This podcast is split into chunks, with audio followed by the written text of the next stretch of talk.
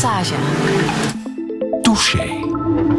Touché vandaag met cabaretier Begijn Lebleu. Goedemorgen. Goedemorgen, Friedel. En ik hoor dat je je vrienden hebt meegebracht. De vogeltjes. De Merel. Fantastische zanger is dat. Je bent ook een onwaarschijnlijke vogelspotter. Ja, ja, ja, ja. Ja. En je bent de maker van een eh, zeer populaire podcast, Freed Freed. En daar is nu ook een boek van gekomen, een gelijknamig boek, Freed Freed. Ja. Ja, dat is de reden geweest, omdat je je fans wou bedienen met eh, ook wat verhalen. Ja, ik, eh, ik schrijf zelf heel graag verhalen. En wat ik doe op een podium zijn ook verhalen. En daar valt wel heel wat te vertellen. En het is een métier dat misschien toch niet meer zo in, ja, in de mode is, zal ik maar zeggen. Maar toch is het bijzonder leuk, vind ik. Vandaar. Een, een logisch vervolg. Ook geen beter moment om dit boek nu te lanceren dan nu. Hè. Mensen hebben de voorbije weken naar hun tuin gekeken, in het park gewandeld. eh, Ja, het klinkt een beetje tegenstrijdig misschien, dat in coronatijden mensen, hoor ik toch in, in, in mijn omgeving, zoiets hebben van, goh, ik ben blij dat het even wat rustig is. En dan inderdaad die natuur toch weer opzoeken om die rust wat ja, te, te, te versterken. Ja. We gaan het daar straks wel uitgebreid over hebben. Ik zeg Begijn Le Bleu, maar in werkelijkheid, voor de belastingen heet hij Timothy Begijn. ja. Van waar die naamsverandering? Goh, ik heb ooit in een, eh, in een ver verleden, denk meer dan twintig jaar, een voorstelling gemaakt die heette Tante Tiet. En ik eh, gaf toen godsdienst. En mijn vrouw zei, ga je daar nu echt je eigen naam op plakken? en ik heb gewoon de shaker gepakt, de blender. En eh, ik heb daar Begijn Bleu van gemaakt, omdat vroeger in de toneelgroep De Schizo's noemde men mij Le Grand Bleu omdat wij ooit met zo'n toneelstuk, eh, Montagues en Capuletti's, eh, Romeo en Julia, in twee groepen waren verdeeld. En wij verfden ons haar blauw. En ze noemden mij Le Grand Bleu. En ja, voilà, voilà. Oh. Want je zou ook kunnen denken, Begijn, dat is een nonnetje. Ja, je hebt ook mannelijke begijnen, dat noemen bagarden. Dus die zijn er ook. De, afkomst van mijn naam, ik ben er eigenlijk heel benieuwd naar. Ik denk dat Belgische oorsprong heeft, ondanks dat mijn wortels Nederlands zijn. Ja. Maar ehm, ja, ik, ik vind het eigenlijk wel een toffe naam. Er zijn mensen die zeggen Ja. van, vinden dat niet erg. Ik Want weet dat is eigenlijk jouw familienaam. ja, ja, ja. Ik weet dat er iemand in West-Vlaanderen hun kind Begijn hebben genoemd, omdat ze dat een mooie naam vonden. En verleden jaar kwam ik in dat theater en die waren daar. En die kwamen daar tot de ontdekking dat dat eigenlijk mijn familienaam was. Maar die vrouw zei, bah, ik vind dat gewoon een score naam. Wij. Maar toch, als het iets te maken heeft met religie, als je een, een non of een mannelijke eh, eh, heilige zou zijn, in combinatie met Le Bleu, dat betekent vals, onecht. Eh, ja, Le- maar Le Bleu is ook... Dat is heel raar, want ik heb dat later pas ontdekt. Ehm, Le Bleu is ook eh, eh, verbonden met een vrouw van lichte zeden. Ja. Ja, ja. En begijnen hebben eigenlijk een gelofte niet afgelegd. Hè.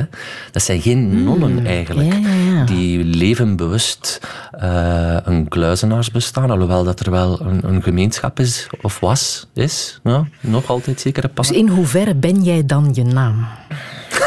Nomen est omen.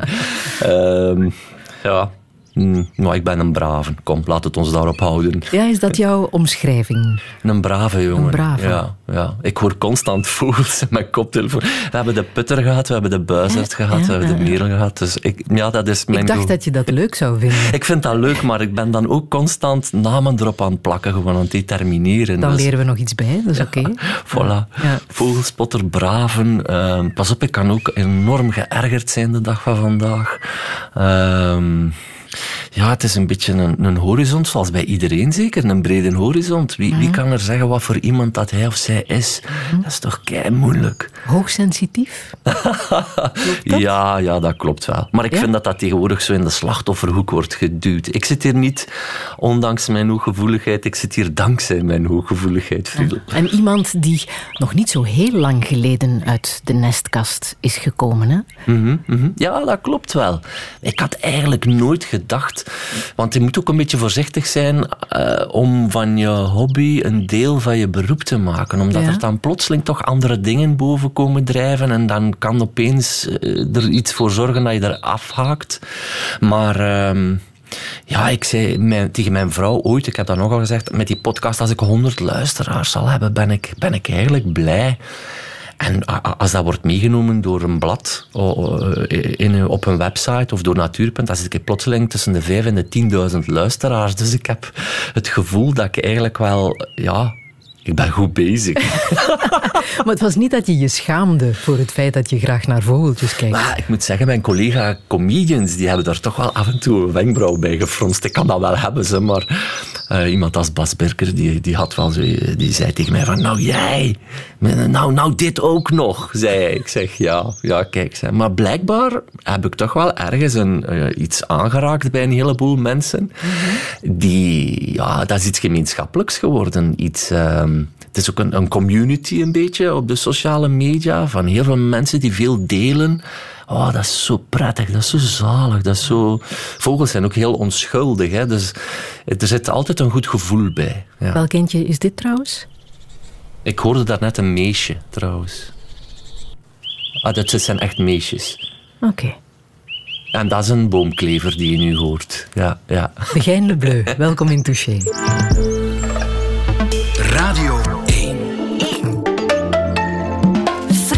Friedel Lassage. Touché.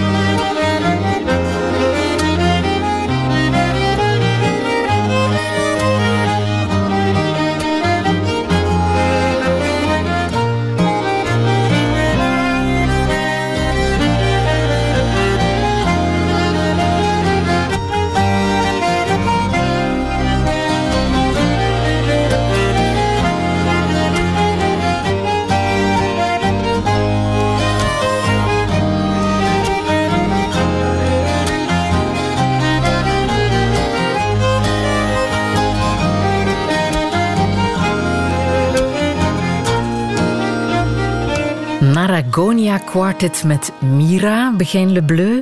Het is een eh, Belgische uh, band. Ja. Waarom wou je dit precies laten horen?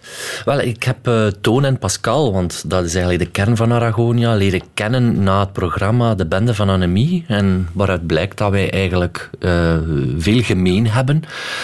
Eh, het zijn twee mensen die bijzonder van de natuur houden. Uh, wonen ook in het uh, Distse, ergens bij de Zwarte Beek, waar ze midden in de natuur wonen, tussen de wielenwalen, de bonte vliegenvangers. Toon in coronatijd stuurde mij af en toe posts van ja, broedsels in zijn tuin, waar je jaloers van wordt. Ja, ja, ja. En zij maken fantastisch schone muziek. Het zijn Belgen en eigenlijk horen we daar zeer weinig van. Zij spelen heel veel in het buitenland.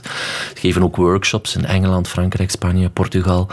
Ehm, maar het zijn uh, mensen uh, van Diest. Uh, ja. En je hebt er ook een podcast mee gemaakt, hè? Ja, dat klopt. Dat Eentje klopt. van jouw Fweet Fweet podcasts. ja, en, en daar is dus nu ook een, een boek van gekomen. Een boek met 48 vogelspotters verhalen. Wat is volgens jou de kunst van het vogelspotten? Um, een beetje hetzelfde, denk ik, als tekenen. Dat is namelijk goed kijken. Goed leren kijken. En vooral, want dat onderschatten mensen nog altijd, goed leren luisteren.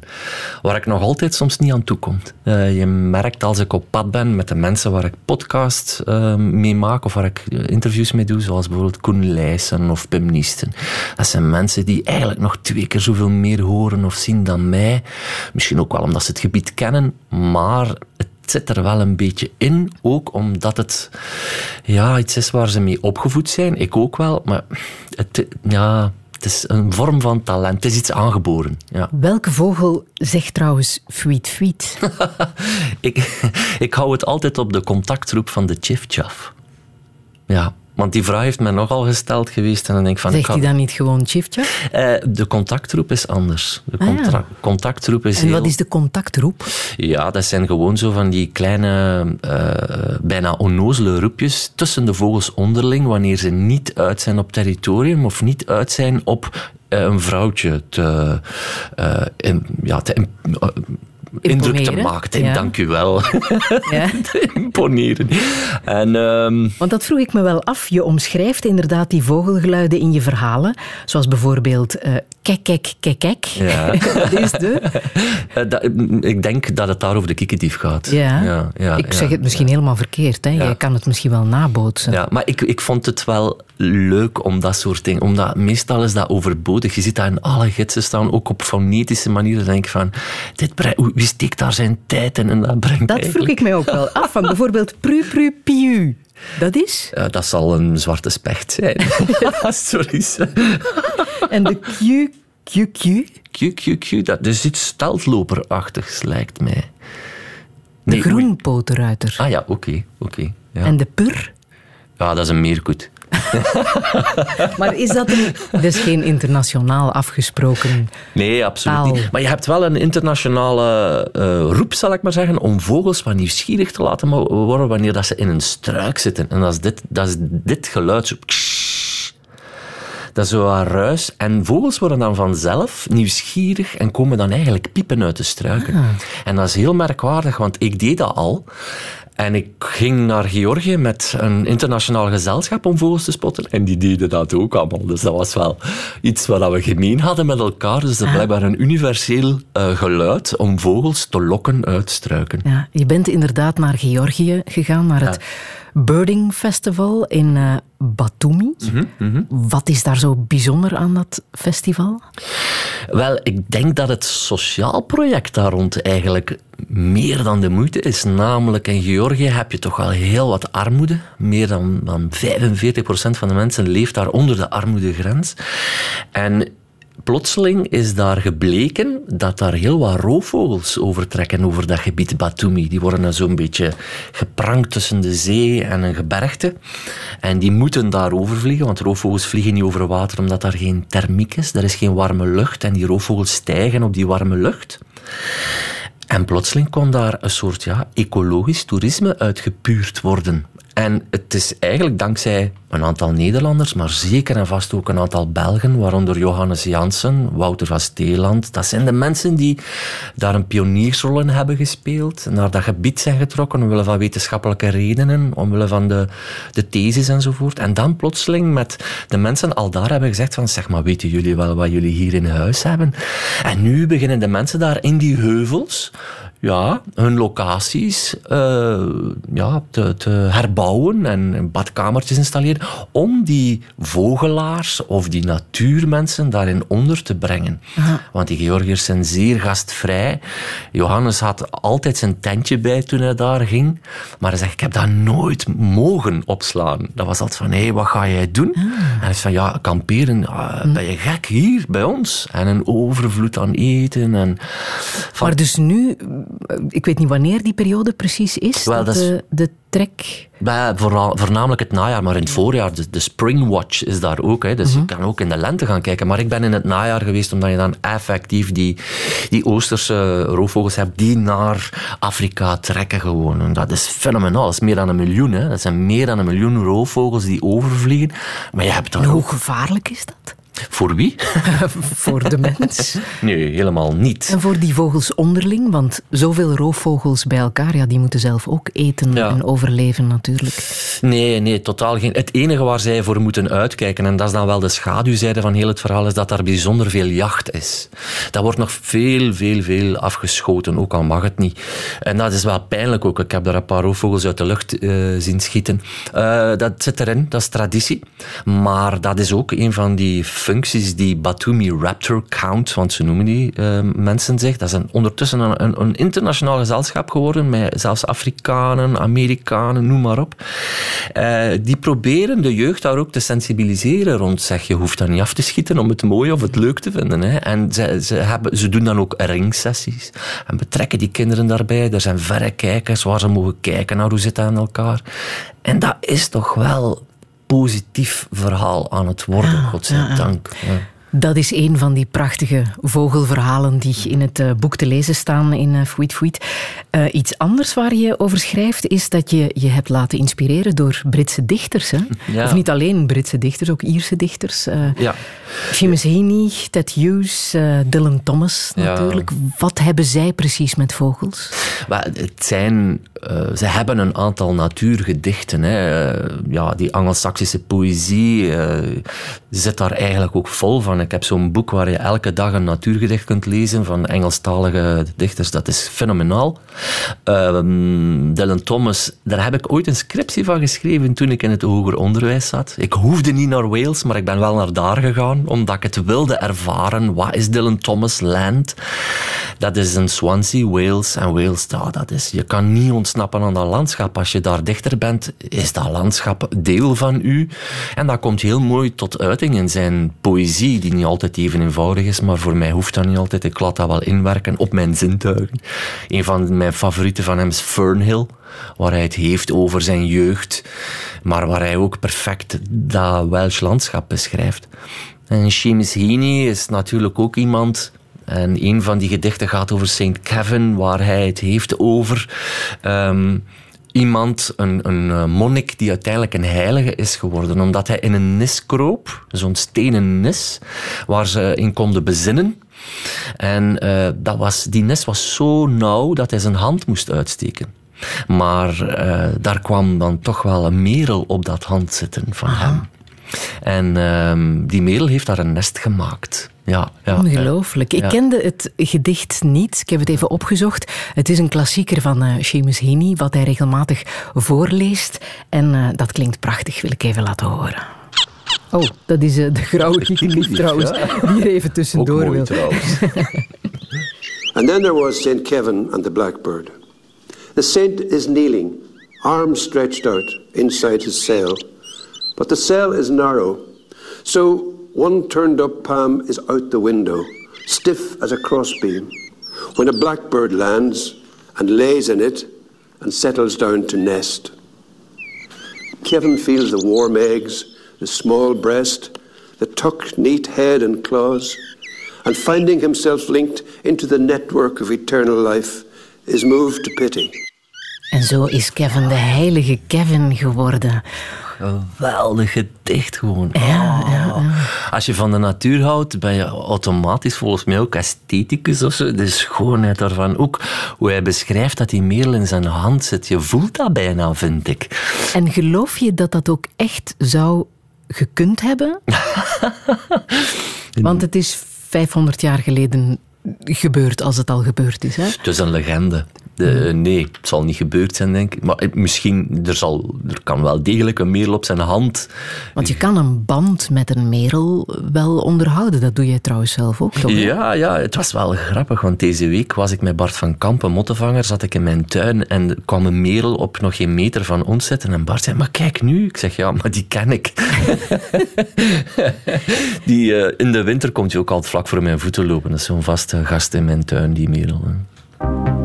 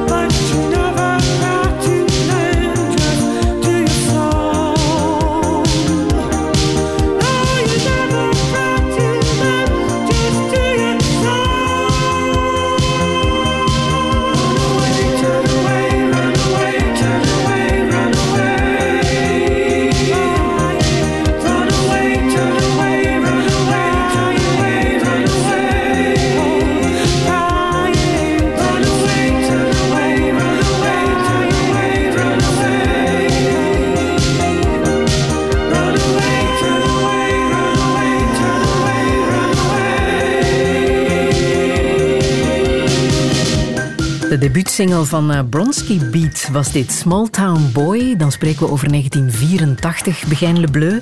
Waarom wou je dit laten horen? Ja, dat is voor mij echt jeugdsentiment. Hè. En iedere keer als dat nummer begint, dan ben ik mee. Ik vind dat een heel swingend nummer, dat klopt, ondanks die falsetto-stem. Mooie falsetto-stem, krachtig. Um, later is de betekenis pas doorgedrongen bij mij dat het eigenlijk ging over outing. Uh, hij is uh, homoseksueel. En ik heb onlangs de videoclip nog eens bekeken. Ik vind de videoclip fantastisch. Hij is zo schoon, zo schoon, ook zo puur. Hij gaat naar uh, een jongen kijken die al lang in het oog heeft, volgens mij. Dat is toch wat ik interpreteren. En hij zit in het zwembad. Um, ja, dat loopt verkeerd af. Hè. Hij wordt dan in elkaar getimmerd. Het is ook zo'n beetje een bombastische uh, videoclip van de jaren 80, maar wel tof gedaan. Maar het berust wel op realiteit, want hij woonde in Glasgow, hard Glasgow in die tijd, zo arbeidersstad.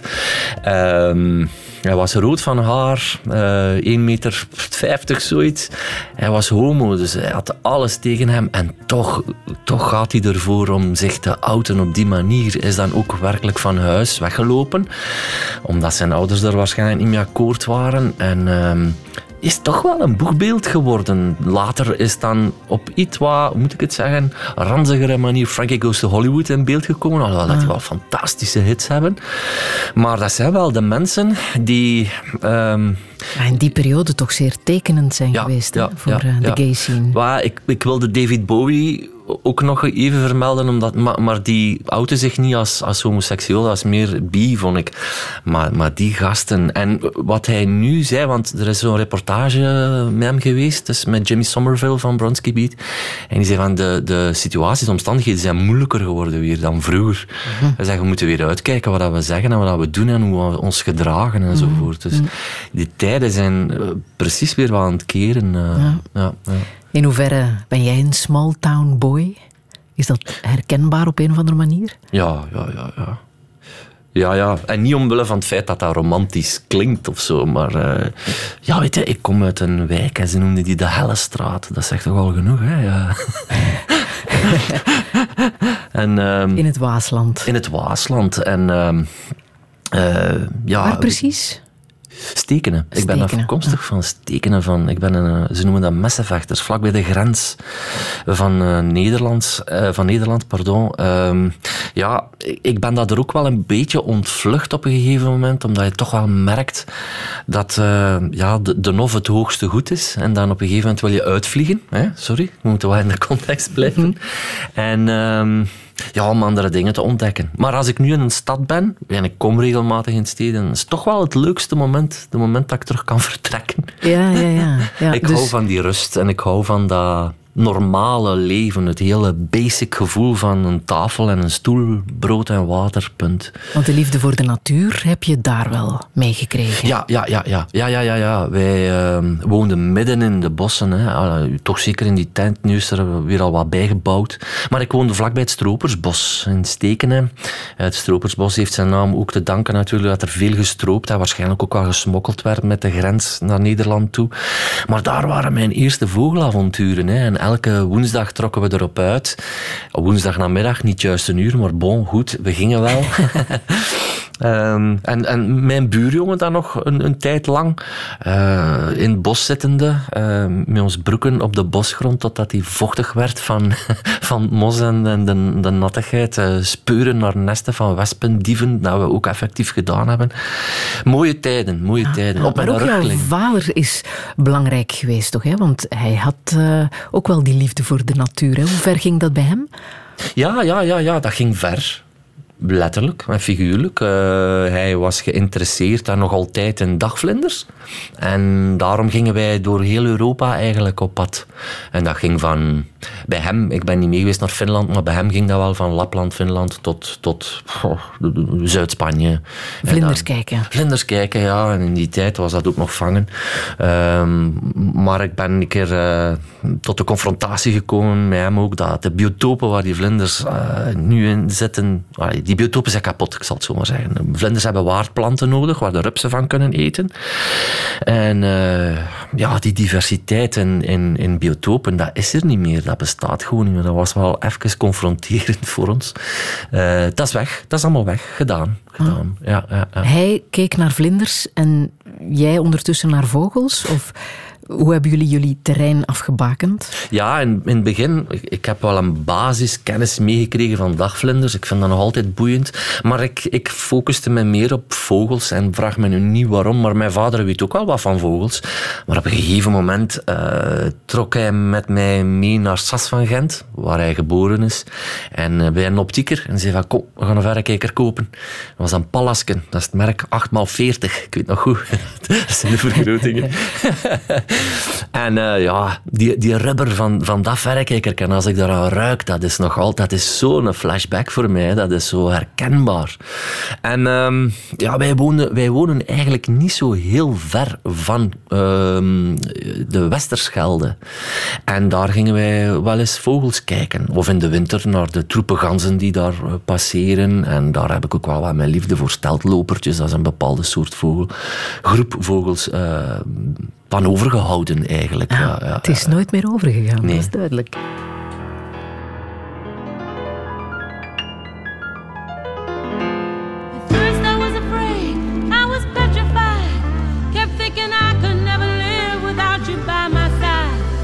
But then I spent so many nights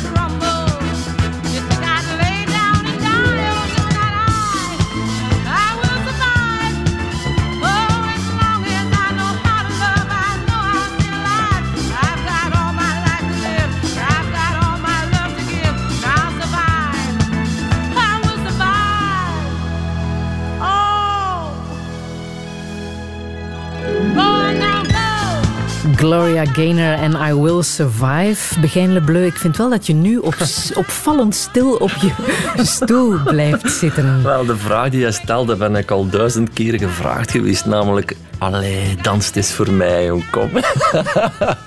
en ik, eh, ja, ik voel me dan altijd toch wel een beetje gegeneerd als ze mij dat vragen. Want waaraan denk je als je Ja, dit, dit- nummer terug hoort? Dit is het, dit is het, eh, het lied dat eh, mijn vrienden Geron de Wulf, Thomas met Steve Goegebuur eh, gevraagd hebben. Toen ik Je moest, foute vrienden ja, trouwens. Toen ik moest dansen in Carré in eh, Amsterdam.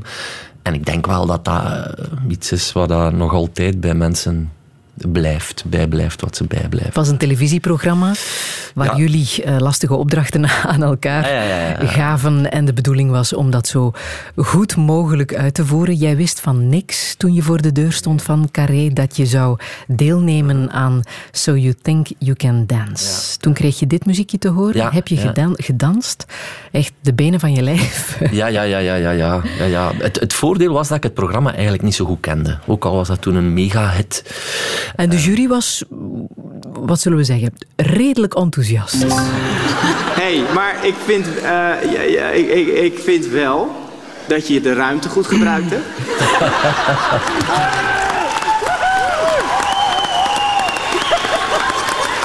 en ik vind ook dat je goed met het publiek gespeeld hebt. en verder was het echt verschrikkelijk. Sorry. Damn. Ja, de finale heb je niet gehaald, Jammer. Begijn, maar het filmpje is wel viraal gegaan. Je werd Ja. wereldberoemd in Vlaanderen. Wat betekende dat voor jou? Dat je plots bekend werd doordat je zes minuten een beetje onnozel stond te dansen op de vloer van Carré. Ehm, ja, dat, dat- oh, ik wist gewoon niet wat er gebeurde op dat moment. Ik kost mijn voeten nog goed op de grond houden eigenlijk. Ehm, ja, dat heeft wel veel deuren geopend. Dat was wel heel leuk. Die improvisaties komen nu ook weer in mijn shows. Niet dat soort improvisaties, maar andere. Ehm, Ga, ik, ik- ja, ik vind dat fantastisch. Ik, ja, en sommige mensen zeggen van, ja, is dat geen vloek? Nee, nee, dat is, dat is vooral een zegen geweest. Ehm, dat programma eh, zorgde ervoor dat ik eh, projecten meer vorm kon geven en dat er ook aandacht naar kwam. Ehm, het leuke is ook dat, ja, wij zitten daar een beetje in de potsierlijke hoek, maar wij hebben elk van ons onze eigen projectjes nu, waaruit blijkt van, hé, hey, dat zijn toch eigenlijk wel interessante gasten gewoon. En, Want je was toen al een tijdje bezig als eh, Ja. cabaretier. Je had zelfs eh, de zeer prestigieuze cabaretwedstrijd Kamaretten in eh, Rotterdam Ja. gewonnen. de jury en, En de publieksprijs. Dus hoe goed kan je zijn? Maar toch, de zalen liepen niet helemaal vol. Was dat frustrerend dat je dan ineens door zo'n filmpje dan toch succes kreeg? Er kwam eh, frustrerend. Ik stelde me wel de vragen. Zo van, hoe kan dit nu? Die mensen weten... Want je zalen zitten echt vol. Hè. Mijn zalen zaten toen, en nog altijd, op basis daarvan... Die voorstelling moet ook goed zijn. Dan blijven de mensen ook komen. Maar op dat moment zaten de zalen vol. Omdat die dat dansje hadden gezien. En van, wat, gaan, wat verwachten die mensen hier nu? Dus dat was wel spannend. En het is wel vreemd, maar zo werkt het nu eenmaal.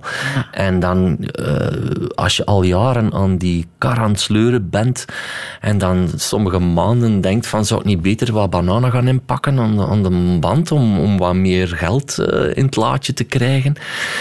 Ja, dan denk je van, kom aan jongens. Toen het nog die niet zo goed liep, ehm, heb je een boek gelezen, hè? Een boek dat jou eh, Ja, ja, ja. ja toch heeft geholpen. Courage, The Joy of Living Dangerously. Van een goeroe. Osho. Bhagwan eh Ja, ja. goeroe. Wat heb je uit dat Osho. boek geleerd? Eh, minder angst te hebben voor op een podium te staan. En omdat het eigenlijk allemaal niet zo belangrijk is. Want wat is zijn stelling?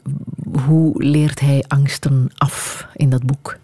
Wel, ehm, ik denk dat dit voornamelijk heeft over durf. En durf is niet iets doen eh, zonder angst. Durf is iets doen met angst. Daar gaat het. Ja, als ik dat mag samenvatten in één lijn. Dat is hetgeen wat Osho zegt. En ehm, wat ik vooral aan Osho goed vind, is dat hij niet zo dat softe imago daar rond heeft. Maar het is echt eh, een, een. Het is een rebel ook. Het is eh, iemand die ook dingen schrijft in zijn boek waarvan ik denk, ja maar ja gast, dat klopt nu toch niet. Ik slik dat ook allemaal niet voor zoete koek. Dat is ook de man dingen. die 92 eh, Rolls Royce's heeft of zoiets. Ja, maar ook om te bewijzen eigenlijk dat je als goeroe niet afstand moet doen van al het materialisme. Je mag ook je materialisme koesteren. Je mag ook geld verdienen. Daar hoef je geen schuldgevoelens aan over te houden gewoon. En dat vind ik wel leuk. Dat vind ik iets totaal anders. Dat is compleet uit dat kader springen. Maar ik denk dat die Osho wel schreef van... Gast, waar maakt u nu eigenlijk druk in? Weet je? En ik maakte mij effectief druk. Hè. Ik stond daar nog maar voor zaaltjes waarin dat 30, 40, 50 man... Maar ik ging met een slecht gevoel naar huis. En uiteindelijk denk ik van, dan moet je terug naar de bron gaan. Hè. Waarom wilde je dit nu eigenlijk doen? Wilde je dat doen omdat je dat, ja, je eigen kwijt kon en je passie kon vormgeven? Of wilde je dit doen omwille van je ego en dat mensen voortdurend zeiden van, oh jongen, je bent toch goed bezig? Want artiesten hebben een bepaald eh, kleutertje in zich dat constant moet bevredigd worden en, en, en gerustgesteld en wauw, je bent goed bezig. En dan noemen ze groeien, denk ik. En op een gegeven moment eh, ontdek je van, ja, maar moet ik dat niet laten afhangen van het publiek? Dat zit in mij. Ik moet dat geven. Als ik niet op een podium sta en ik ga niet lachen en ik ga niet geven, dan gaan die mensen ook niet bougeren. Die mensen komen niet voor zichzelf, die mensen komen voor mij. Dus go. Wat hij ook zegt is, eh, je moet angst en onzekerheid zien als, als een feest. Omarmen als, als een feest. Ja, dat is al wat anders. Hè. Dat vind ik niet altijd even evident. Ik ga er ook niet mee akkoord trouwens hoor. Eh, ik vind dat je best wel eens eh, in de put mag zitten en je in de put mag voelen ook. Ja? Eh, laat een keer goed regenen. Ja, een feest. Ja, nee, ik, daar kan ik dan weer geen vrede mee sluiten wat dat hij zegt. Ik, Maar de dingen aangaan, zoals je dat toen trouwens ook hebt gedaan met dat dansje op, eh, in Carré. ja, ja. Het gewoon aangaan, er is toch geen weg terug. Daar sta je dan. Ehm, eh, mensen hebben me gevraagd, waar heb je die moed vandaan gehaald? Ja. Wel, ik vond de opdrachten op straat veel en veel moeilijker dan op een podium. Omdat het podium mijn territorium is. Ik weet ook, als ik op een podium stap, er gaat er niemand mij iets in de weg leggen. Ja. Er is niks agressiefs aan. Maar als ik in een, in een straat kom en bij mensen en ik moet daar iets gênants vragen, dan dat vind ik een pak moeilijker. Oncontroleerbaarder. Terwijl als ik op dat podium sta, lekker controleerbaar, dit is mijn territorium en gaan. Maar heb je angst om te falen? Ja, Toch wel. ja, ja. altijd. Dus Maar dat is ook goed. Dat is gezond, ja. Dat de twijfel is een beetje de cement tussen de bakstenen, zeker. Hè? Waardoor je... Twijfel over jouw eigen grappen, of ze wel goed genoeg zijn? eh, altijd. Maar dat heeft elke humorist, denk ik. Ehm, en toch ben ik iemand die niet alles uitkient tot op het eh, bot. Ik heb er ooit met Raf Walschaerts een gesprek over gehad en zij doen dat wel. Zij, zij puren die vorm ook uit. En dat vind ik magnifiek, want dat staat er ook als een huis. Maar ik heb daar het geduld niet voor. Bij mij moet dat live aspect er zijn. Ik moet opkomen en ik heb iets voorbereid en ik doe dat. En dan evolueert dat wel naar iets. Dus ik schrijf ook geen teksten uit. Zit in mijn hoofd. Omdat ik merk dat als ik teksten opschrijf, dan ga ik gewoon gecrispeerd optreden en dan ga ik struikelen over woorden. Terwijl als ik iets loslaat, marcheert dat veel beter bij mij. En, waarover, waarover maak jij grappen? Wat, wat is jouw specialiteit? Nu noem ik dat huistuin- en keukenverhalen met een scherp randje. En vaak, de voorstelling die ik nu breng, gaat over de omgekeerde wilzinspanning. Dat is namelijk, eh, hoe harder je best doet om iets te bereiken, hoe slechter het resultaat. En daar zijn tal van grappige anekdotes die dat kunnen staven. Maar mijn leven bestaat uit optreden en de natuur en mijn gezin. Dus ik put daaruit. Ik probeer dat zo realistisch mogelijk te doen. Alhoewel je een the- theaterpersoonlijkheid hebt en, en die verhalen zijn overtrokken. Maar ehm, ja, vaak gaat het over eh, mijzelf en hoe ik faal elke dag. En Je kijkt ook heel graag naar filmpjes op YouTube van mensen die falen. Oeh, dat is mijn guilty pleasure. Ja, ja dat klopt, dat klopt. Oh, ik vind dat hilarisch. Oh, ik vind dat zo grappig. Zo. Onlangs zag ik ook een vrouw, dat moet nog geen vrouw zijn. Dat kan ook een man zijn die van op een trampoline springt. Oh, die kunnen zo, zo ook zo domme dingen doen, maar echt dom. Dom. Zo En- banaal mag het zijn. Ah, zo jou. banaal. Dat is slapstick. Dat is eigenlijk, ja, slapstick. Ik vind dat heerlijk. Heerlijk. Where will I wander and wonder? Nobody knows. But wherever I'm a going, I'll go in search of a rose. Whatever the will of the weather, and whether it shines or snows, wherever I'm a going, I'll go in search of a rose. I don't know where it's found, but I don't mind. As long as the world spins around, I'll take my time.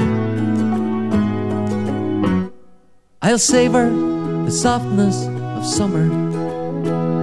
I'll wrap up when winter blows. And wherever I'm a going, I'll go in search of a rose.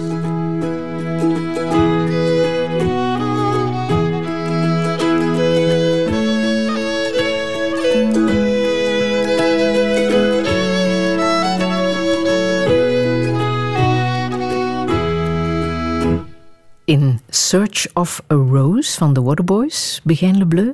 Mhm. Waarom wou je dit laten horen? Het is een klein noot, zo'n klein Ja, lief liedje. gewoon, eh, ja, dat, is een, dat gaat over een kweeste en ik kan daar wel eh, ja, mezelf in vinden. Het is in Search of a Rose. Het, het is ehm, altijd op pad naar iets schoons, eh, op zoek.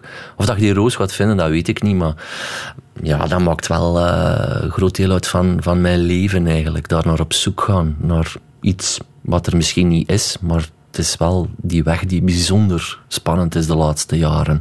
Het is echt een avontuur. Eh, mijn hoogtes en mijn laagtes, want ik ben natuurlijk, ik heb een enorme vrijheid, ik ben zelfstandige.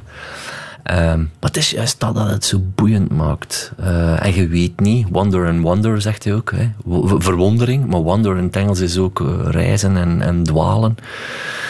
Ja, door, doorheen die avonturen kom ik ook zoveel interessante, leuke, toffe, geestige mensen tegen die creatief zijn of nadenken over de wereld. En dan zie ik soms het venster op de wereld op Twitter verschijnen en denk ik van, maar jongens, toch hoe is dat nu mogelijk? Ik kom altijd maar toffe mensen tegen. En hier zitten precies een bende beuzakken gewoon negatief te doen. daar een verklaring voor? Want je zei het al in het begin, hè, dat i- is het vreemd dat mensen die van natuur houden of naar vogels kijken ook hooggevoelig zijn, hoogsensitief? Of dat dan normaal is, bedoel je? Ja, of je daar een verklaring voor hebt. Als jij nu zegt, ik kom alleen maar toffe mensen tegen. Mensen die met de natuur bezig zijn. Ehm, ja, ik denk dat op een gegeven moment je, je moet, je hebt de keuze. Je hebt de keuze van perceptie. Ik slaag daar ook niet altijd in, hè. maar je hebt de keuze van perceptie. Ofwel kies ik ehm, een mood waarin mijn, goh, mij bezig een state of mind gewoon negatief is. Ofwel zet ik die bril op en probeer ik ervoor te gaan. Ik ben niet altijd zonneken in huis. Hè. Dan, dan moet je een interview doen met mijn vrouw, die zal dat wel getuigen. Maar ehm, ik, ik, ik, je kunt... ehm, ah, en dat zet zichzelf verder. Hè. Ehm, dat rolt, dat is een sneeuwbaleffect. Ehm, dat is ook iets wat ik geprobeerd heb met dat natuurverhaal. Mensen proberen te bereiken. Ik vind deelgenootschap zeer belangrijk. En ik zie dat soms weinig, ook binnen de comedy. Het zijn allemaal toffe gasten. Maar daarna is dat allemaal op ons eigen eiland. En dan kijken wij van hoeveel voorstellingen heeft hij? Hoeveel voorstellingen heeft hij? Ah ja, dan is hij populairder. En ik ben, dat, ik ben een beetje beu. En is dat anders bij natuurliefhebbers? Ja, daar die- die wel zijn- gedeeld? Ja, pas op. Comedians zijn mensen die heel goed optrekken met elkaar. Hè. Eh, de- de- echt goede collega's en ook blijvers bij. Maar bij nat natuurliefhebbers zijn een pak zachter. Ik heb ook de indruk, eh, overwegen ook veel meer. En, en ik zit zo bij een groep eh, Grauwe Gors, hè, werkgroep Grauwe Gors. Dat zijn natuurbeschermers. Het zijn allemaal mensen die goed overwegen, communiceren. En ik vind dat fantastisch. Van, hoe gaan we dat aanpakken? Maar er zit een beetje ja, denkwerk achter. En rekening houdende met niet alleen uw omgeving, maar ook met de mensen rondom u. En, en dat staat mij daar wel bijzonder aan aan. En ook het werken, iets permanenter met mensen werken dan dat ik nu doe op een podium. Want je komt ergens, eigenlijk is dat een vrij eenzaam hè. Je komt ergens toe, je buigt, je krijgt applaus. Allee, ego is blij, terug naar huis. Hup. Volgende avond juist stel.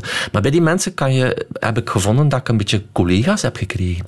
Hoewel je ook in je eentje door een verrekijker zit te staren natuurlijk. ja, hè? dat- ja, ja, ja, ja, ja. En dat is ook een beetje individualistisch, want ik ga ook meestal alleen spotten. eh, ehm, maar ehm, ja, ik voel daar toch een soort gelijkgestemdheid bi- binnen die mensen die ook ehm, precies anders kijken gewoon en anders luisteren. En ook hun mond eens kunnen houden. Heel veel kunstenaars laten zich ook inspireren door de natuur, natuurlijk. Hè? Je noemt een paar namen in jouw boek. Eentje waar ik nog nooit van gehoord had, Ernest Welvaart. Ah ja, ah, tof. Wie is dat? Tof dat je die erbij haalt. Ja, dat is een, een schilder uit eh, Lokeren, Waasland. Hij heeft nooit zo'n indruk gemaakt in die tijd. Ehm, begin 20e eeuw. Ah, ik, ik zou eigenlijk een aantal namen moeten hebben. Zo'n een vertegenwoordiger die toch wel daar in die periode heel bekend was. Maar bon. Ehm, en hij heeft het eigenlijk nooit echt gemaakt eh, als schilder. Eh, er is ook bijna niks van te zien. Maar die kan zo knap schilderen. Vind ik. Ik, ik vind dat doet mij iets. Waarschijnlijk voor de recensenten. Er zullen er wel een paar accenten zijn die niet goed zijn. Maar hij heeft zo een schilderij dat noemt de Koningin der Weide. en dat is uh, Moeraspirea. Moeraspirea is een plant dat eigenlijk gedijt wanneer het wat vochtiger is. Dus tegenwoordig in mijn tuin is het verdwenen. Um, maar als je naar die schilderijen kijkt, zie je eigenlijk hoe de natuur eraan toe was in die tijd, begin 20e eeuw. En dan zie je opeens zo'n malse weide, zo'n een, een hooiland waarvan je denkt, ah, dat gras kniehoog tot aan dat, van die koeien. Het is historisch interessant om naar dat werk te kijken. Het is natuurhistorisch interessant. Het, het, het, het, je, je merkt hoe het landschap veranderd is bij ons. En natuurlijk toen, dat zijn de mannen die het licht echt eh, fantastisch eh, beheersten in hun schilderijen, krijg je daar zo'n plaatje van het Waasland waarvan ik denk, wow, dit is echt heel knap gedaan. Dus Welvaart is niet zo bekend. Ik, ik heb een paar schilderijen van hem gevonden eh, op internet, op Amerikaanse galerijen. Ik heb ook de indruk dat bijna alles verkocht is van hem. Staat niet zo in hoog aanzien, blijkbaar. Ik vind het magnifiek. Nog een andere naam die ik door jou heb leren kennen is Mark Dion. Ah ja. Die eh, zou tentoonstellen in eh, de Verbeke Foundation, de fantastische Verbeke Foundation in eh Kemzeke, vlak bij, bij jou, hè, bij Ja, jou ja, in de ja. buurt. Mijn, mijn ouderlijk huis is er een kilometer van. Eh, Mag ik hem pikken? gewoon? Ja hoor. maar, maar de expositie gaat door, hè. dus hij, hij Dus is we kunnen gemaakt. gaan kijken. Ja, ja, het is ja. trouwens terug open. Hè? Ja, we kunnen ja, naar ja, Kemzeke, je naar de Verbeke ja. Foundation. Wat, wat, doet die man precies? Ja, Mark Dion, en dat is, iets, dat is iemand die Geert Verbeek ook aan mij heeft eh, voorgesteld of leren kennen. Van, man, we doen hè, dat hier samen met Mark Dion. Eh, Dion is eh, iemand die bezig is eh, rond de representatie van natuur binnen eh, natuurhistorische musea, eh, eh, naturalisten zoals een Humboldt, maar ook bij surrealisten, ook bij jagers.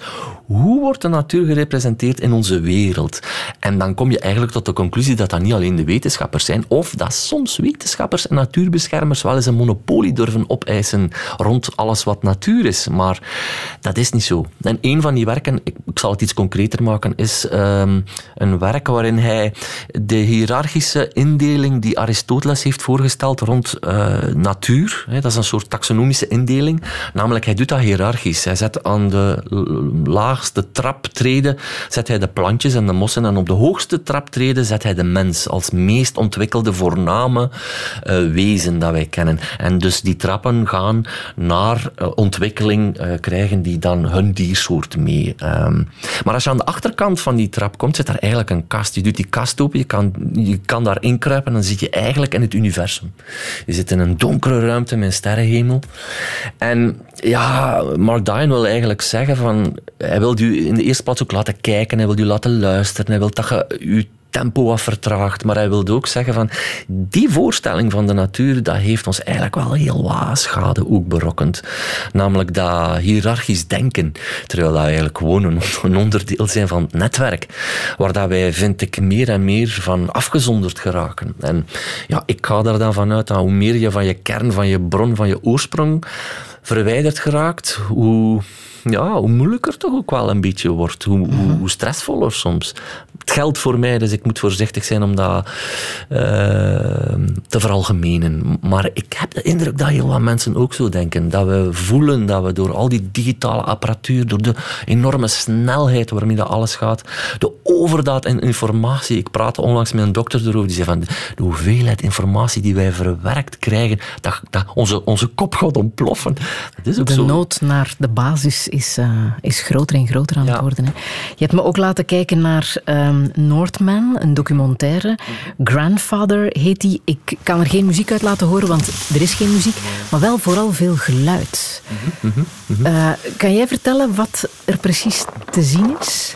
Ehm, mm, eh, Grandfather gaat over, het, gaat over het volgen van een oudere man wiens vrouw gestorven is. En hij besluit niet, eh, ondanks dat zijn kinderen hem dat aanbevelen, naar een rusthuis te gaan. Maar hij besluit om gewoon verder te doen met zijn boerenstil. Ik denk dat het in Estland of Letland opgenomen is, ik weet het niet. En ze volgen hem vier seizoenen lang in zijn eh, boerderij. Want het is echt nog een boerderij. Tegenwoordig is een boerderij eh, een fabriek of een industrie.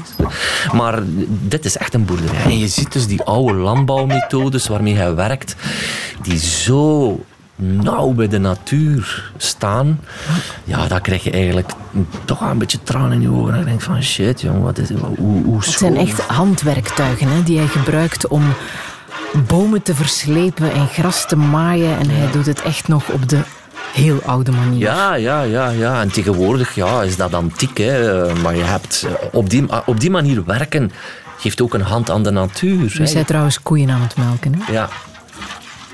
Ja, dat is dat prachtige ochtendritueel. Want hij heeft ook aardappelen. Hij kookt aardappelen. En eh, de overschot van de melk, hij kan allemaal die melk niet op. Geeft hij gewoon aan zijn varkens.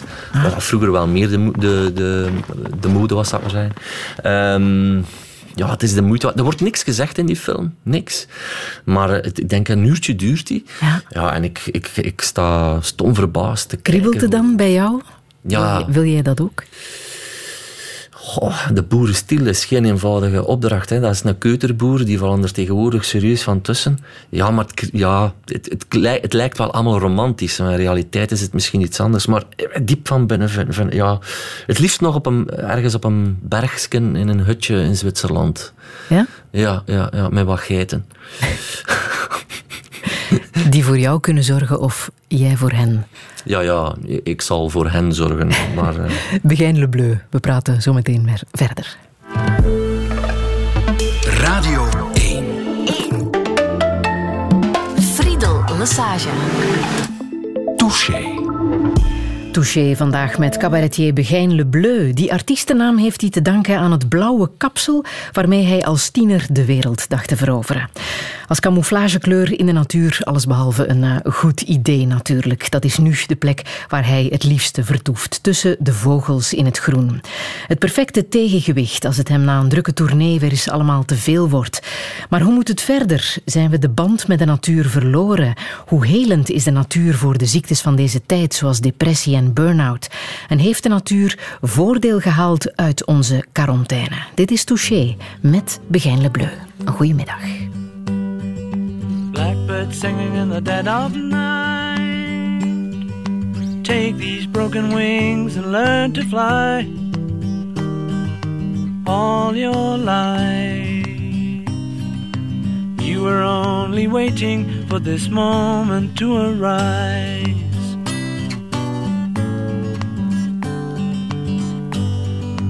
Blackbird singing in the dead of night. Take these sunken eyes and learn to see all your life. You were only waiting for this moment to be free. Blackbird fly. Blackbird fly of a dark black night.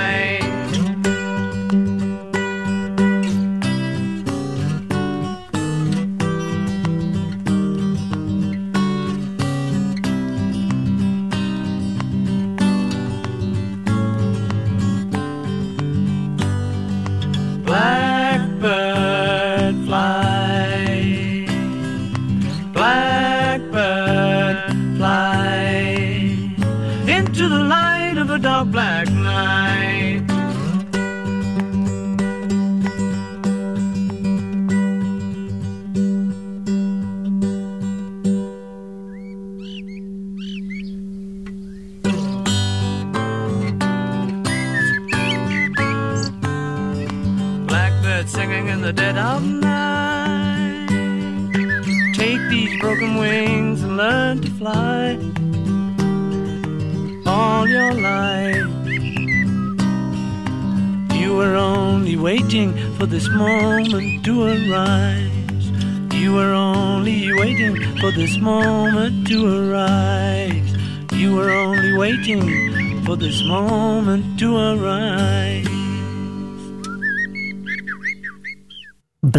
Van de Beatles, een ode aan de merel, maar vooral ook een ode aan. eh, ja, het gaat eigenlijk over de rassenscheiding in eh, de Verenigde Staten. Paul McCartney eh, gebruikt Blackbird als metafoor voor eh, de zwarte vrouw. Om haar aan, te moedigen, aan te moedigen konden we met deze Black Lives Matter protesten in Amerika en overal in de wereld. En vandaag ook trouwens in Brussel niet echt laten liggen. eh Begijn Le Bleu. Wist je dat daar nog een ander verhaal aan vastzat, aan deze Blackbird van de Beatles? ik heb dat ooit eens horen waaien, maar ik heb er nooit veel aandacht aan besteed. Dus Maar nee. als je luistert, Ja, klopt, dan kan je klopt. het perfect wel eh, ook zo begrijpen. Hè? Take these broken wings and learn to fly. Ja, ja, ja. Ja, er rust trouwens nog een ander verhaal in de schaduw van het eh, heel trieste verhaal van George Floyd over de vogelspotter in het eh, Central Park in New York. Ja, ik was ook niet op de hoogte. Ik wist wel dat het Blackbirders Week was. Bij Audubon, dat is een beetje het natuurpunt van Amerika. Eh, maar blijkbaar eh, is er een man eh, die eh, gestoord werd. Of het is te zeggen, hij vroeg aan een blanke vrouw of zij haar hond aan de leiband wilde doen. Zij belde de politie. Ja, en hij werd opgepakt. Ja, dat is vreemd, hè? Dat is toch heel vreemd. Ehm, er is iets loos dan. Ja. Ik kan er mijn vinger niet op leggen. Ja. Dat zit in het nieuws vandaag. Black Lives Matter en alle protesten. Daarnet ook in het nieuws, eh, nieuws over de wolf hè, in ons land. Ben jij dan een gelukkig man als jij nieuws over natuur hoort? Eh, Ja, ik vind het wel noodzakelijk. En zeker nu met die wolf moeten mensen wel ingelicht worden en op de juiste manier geïnformeerd. Ehm, want ja, het zal dan wel kloppen, dat die, maar, maar er worden ook heel veel schapen doodgebeten door honden. Meer dan door wolven bijvoorbeeld. Er zijn ook veel koeien die sterven aan weggesmeten blikjes van mensen. Ja, zoveel zelfs dat er al acties voor op touw zijn gezet. Dus dat relativeert het verhaal misschien weer wel. Ehm, en wij zijn natuurlijk ook niet gewend dat eh, een ander dier opeens zo ja, ons wat komt beconcurreren. Hè. Vroeger het ergste wat ons kon overkomen was een mug die ons stak. En nu opeens komt, terwijl in Australië is dat gewoon dat is normaal. Hè. Ik bedoel, daar lopen schorpioenen, er lopen levensgevaarlijke, eh, ehm, glijden levensgevaarlijke slangen. Ehm, ja, en maar- wordt daar in het nieuws melding van gemaakt? Want je houdt al een paar jaar een pleidooi voor meer natuurnieuws eh, in het nieuws. Hè? Het Ja. weer, dat is niet voldoende voor, voor jou. Nee, nee, nee. Maar ik vind dat zeker belangrijk om de vinger aan de pols te houden en dat contact te houden met eh, ons milieu, onze leefomgeving. En hoe, waar men niks van weet, ja, dan kan men ook niet echt mee zijn in het debat wanneer er bijvoorbeeld op politiek niveau besluiten worden genomen. Want dat gaat toch allemaal over onze hoofden heen. Hoe minder we geïnformeerd worden, hoe makkelijker dat, dat is voor de politiek om bepaalde beslissingen te nemen. Terwijl nu, ja, die informatie komt ons oren uit, maar ik vind dat daar rond de natuur, en in Vlaanderen, ik kijk soms ook naar Nederland en ik merk dat dat daar iets meer behartigd wordt, denk ik dat dat hoog tijd wordt dat we daar meer van weten. Zodanig dat we daar ook respect voor gaan krijgen en ehm, dat natuurbeschermers niet altijd als een soort van freaks worden opgevoerd. En ik heb dat ook nu in de media. Ik ben zo blij dat ik veel aandacht heb gekregen rond het boek. Maar je merkt ook nog altijd dat journalisten ons een beetje in het speelhoekje drumt. Van ja, jullie, hè, jullie rare jongens. En dat is natuurlijk wel de manier om aandacht te krijgen. Maar ook dat moet er op een gegeven moment uitraken. Dat vind ik. Ik vind vogelspotten is een manier om gewoon dat contact te houden met jezelf en met de omgeving. En ik vind als er tijd is om sport te brengen op eh, het nieuws, na elk nieuws, ook in coronatijd, dat bijna Kafkaiaans werd. En ik ben een sportliefhebber. Ik bedoel, ik heb een boek geschreven over het wielrennen, maar, maar dan wordt dat toch wel een beetje belachelijk, vind ik. Maar stel dat jij nu voortaan de natuurexpert van de openbare omroep Oei, bent. ja, ja. Begijn Le Bleu. Ja. Wat zou dan vandaag bijvoorbeeld in het nieuws kunnen zitten? Wel, eh, eh, de wolf zou erin kunnen zitten, maar, en dat vind ik nog belangrijker, die wolf krijgt natuurlijk nu alle aandacht. Terwijl dat is een soort die veel. Eh, een groot draagvlak heeft. Mensen vinden dat de max een wolf. Maar die biodiversiteit gaat over meer dan alleen maar dat, weet je. Het gaat ook over die insectjes, die het zeer slecht doen. Hè, 75% daling van insecten in Duitsland, een onderzoek. Het gaat ook over die vlindertjes die overal vliegen. Die grotere bio-indicatoren zijn uiteindelijk dan, sorry, een wolf. Ik vind En hoe wolf- komt dat? Die, eh, dat insecten verdwijnen? Ja, de Want dat moet jij dan uitleggen natuurlijk. Ja, hè? de leefomgeving is niet goed. Hè. En in de eerste, dan moet je ook kijken naar de vegetatie. Dan moet je ook kijken hoe komt dat. En eh, nu raak je iets heel kwetsbaars aan, want nu ga ik beginnen over landbouw. Eh, het gebruik van pesticiden, het gebruik van insecticiden. Dat doet daar allemaal geen deugd aan. Hè. Eh, insecten krijgen een cocktail binnen. Eh, vogels dan ook, hè, want veel vogels eten rupsen, zeker tijdens de broedtijd. Ja, dat is iets... Vergiftigde rupsen dan en, en sterven daaraan. Ja, ja, ik hoorde gisteren iemand eh, iets zeggen over illegale onkruidverdelgers. Ja, en dan legale onkruidverdelgers. Dat vind ik zo grappig eigenlijk. En ik ben al in dat stadium geraakt dat wanneer ik mensen zie gieten met vergif, dat ik denk van, maar, maar, maar mens, wat, wat doe jij nu? Wij moeten terug leren kijken naar groen. Groen dat dat gebeurt, heeft allicht ook veel te maken met onwetendheid van de mensen. Hè? Ze weten niet wat die pesticiden allemaal teweeg brengen. Ja, ja, en de manier waarop je dat communiceert is ook heel, heel eh, belangrijk. Hè. Dirk Drouwlands is iemand die ik enorm respecteer en daar zit een activist in. Maar tezelfde tijd moeten wij daar voorzichtig mee zijn, omdat, en dan zeker wij, en met Grauwe Gors bijvoorbeeld, die werkgroep, wij gaan dan naar die landbouwgebieden, maar dat is niet van ons. Hè. Weet je, dat is van de landbouwer, soms generaties lang. Dus ik kan mij ook voorstellen dat die mensen denken van ah, ze zijn er hè, met de stenen tafelen, met de tien geboden op. Dus die communicatie, wij zitten vaak met dogma's in onze kop. En wij, wij zeggen van kijk eens, dit zijn de dogma's. En dat dat niet op vreugde en jolijt wordt onthaald, dat, dat snap ik wel. Dus de manier van communiceren, daar moet dringend iets aan gebeuren. En een van die vormen is effectief de media die daar gelukkig meer opspringt. En gelukkig, hè, want je hebt Jan Rots met de slimste vogelgids, je hebt Agnes Wenier. Er zijn een aantal mensen die opstaan en daarmee beginnen. En dat is een mooi begin. Maar er is echt heel veel werk in de media. Nederland heeft eh, vroege vogels, waar je eh, constant wordt ingegaan op ehm, eh, vlindertjes, maar ook eh, maaibeheer. Van alles kan als vorm. Gisteren in interne keukenradio 1 ging het over pissebedden. En ik hoorde de reacties. Mensen, maar jongens, dat is toch interessant? Natuurlijk is dat interessant. Iemand is in mijn tuin komen nachtvlinders vangen met, een, met 70 verschillende soorten in mijn tuin. 70. En hij zei, ja, het valt een beetje tegen. Wij hebben daar geen weet van gewoon. Ik ook niet. Hè. En zijn boodschap was ook van, ja, Begin, je bent met vogels bezig en dat heeft een groot draagvlak, net als de wolf. Maar in wezen, zoals iemand ooit zei tegen mij, van, als je iets wil weten over vogels, moet je eerst je planten kennen. Ah ja. Ja, en, en, en- want dat is de breedte, da- daar gaat het over. Het gaat over hoe gezond is die bodem. Hoe, en dan spruit daar alles wel uit. En media heeft daar een belangrijke rol in. Ja. Iets wat ik uit jouw boek ook heb. Ehm, elk jaar worden in Vlaanderen 5 miljoen dieren het slachtoffer van verkeersagressie. Jij noemt het verkeersagressie. ja. Maar 5 miljoen dieren sterven doordat ze worden aangereden Ja. door een auto. Dat is bizar, hè? En dan heb je het over Eh, deze week heb ik uh, eventjes denken, een uh, ranzuil langs de kant van de weg gezien. Een grote bonte specht. Ik zie veel vossen. Ik zie das. Uh, alles eigenlijk. Alles.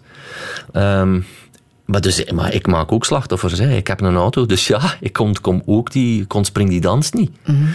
Maar dat is zo een beetje een omgekeerde wereld geworden, waarvan dat ik vind, je, mocht, je mag daar op zijn minst een vraag over stellen, vind ik. Je, je, je, allee, bedoel, de wereld moet niet veranderen voor mijn part, maar je, de, de vraag beginnen stellen kan al leiden tot iets. En de vraag is van, zijn wij hier nu niet een beetje zot aan het worden?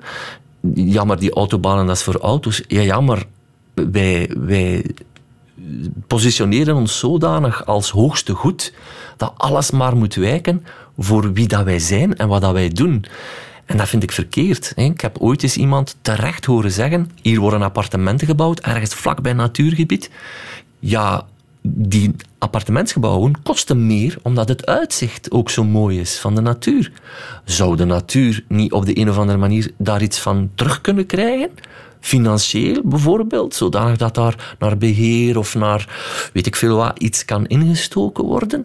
Dat zijn vragen waarvan dat economen of, of in ons kapitalistisch systeem niet meer wordt over nagedacht. Het moet opbrengen. En, uh, maar, maar ik vind dat normaal. En wat dat ik ook wil zeggen is dat en daar heb ik ooit een natuurfilosoof horen zeggen in Nederland. Een, een, boom, kan die nog boom zijn bijvoorbeeld? Ja, wij zien boom als nutswaarde, met veel nutswaarde. Die kan omgekapt worden, die kan voor onze schaduw zorgen, die kan zelfs in een schilderij uh, voorkomen bij ons. Ja, ja, maar een boom is ook een boom. Hè. En ik ga die niet knuffelen. Hè. Ik ben niet de, de softe type die, die zo redeneert. Maar die boom is wel nodig en die boom die heeft ook een leven. Ik weet dat dat in mijn geloof, in mijn wetenschap, marcheert dat wel zo eigenlijk. Dat heeft zijn nut. Een boom herbergt een biodiversiteit waar wij geen weet van hebben. En ik kwam tot de constatatie bijvoorbeeld deze week met die motten en die nachtvlinders. Gamle grå husker ringen før den bråkna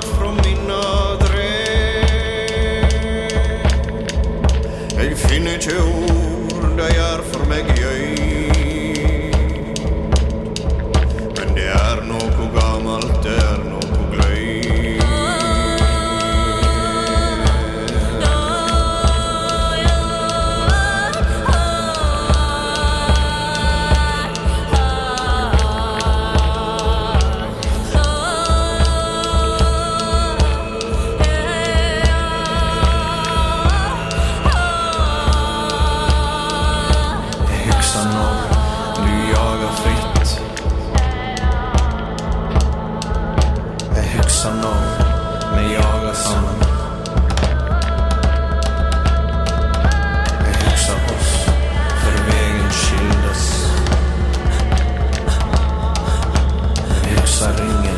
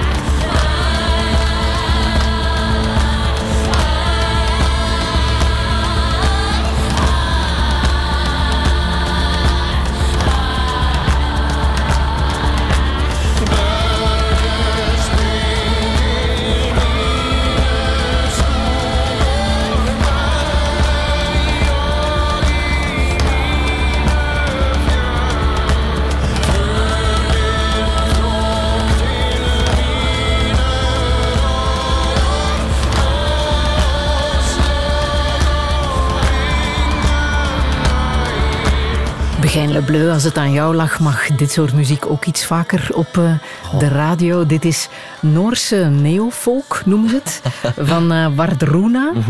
Gra. Gra. ja, Gra. gra. Gra. Ja. Weet je ook wat het betekent? Eh, grauw. Grauw. En eigenlijk, of de grauwe. Is het. Hij, hij heeft het over een wolf. Aha, hij, gebruikt eigenlijk een beetje dezelfde manier waarop dat de Edda is opgebouwd. De Edda is Ja, ja. een, en die gebruiken heel veel metaforen. En hij zet die traditie een beetje voort. Dus de grauwe gaat over de wolf. Ja, ja.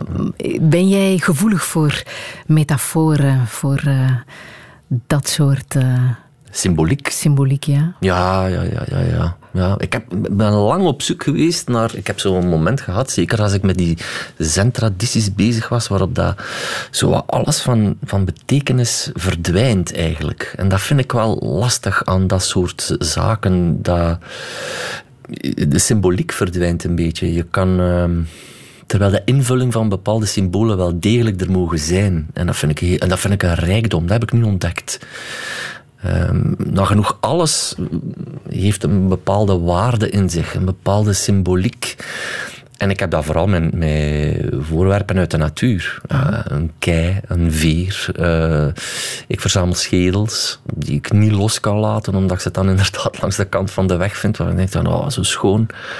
Ehm, de opbouw van dat soort... Eigenlijk ehm kadert dat binnen, dat is een strekking, ze noemen dat animisme.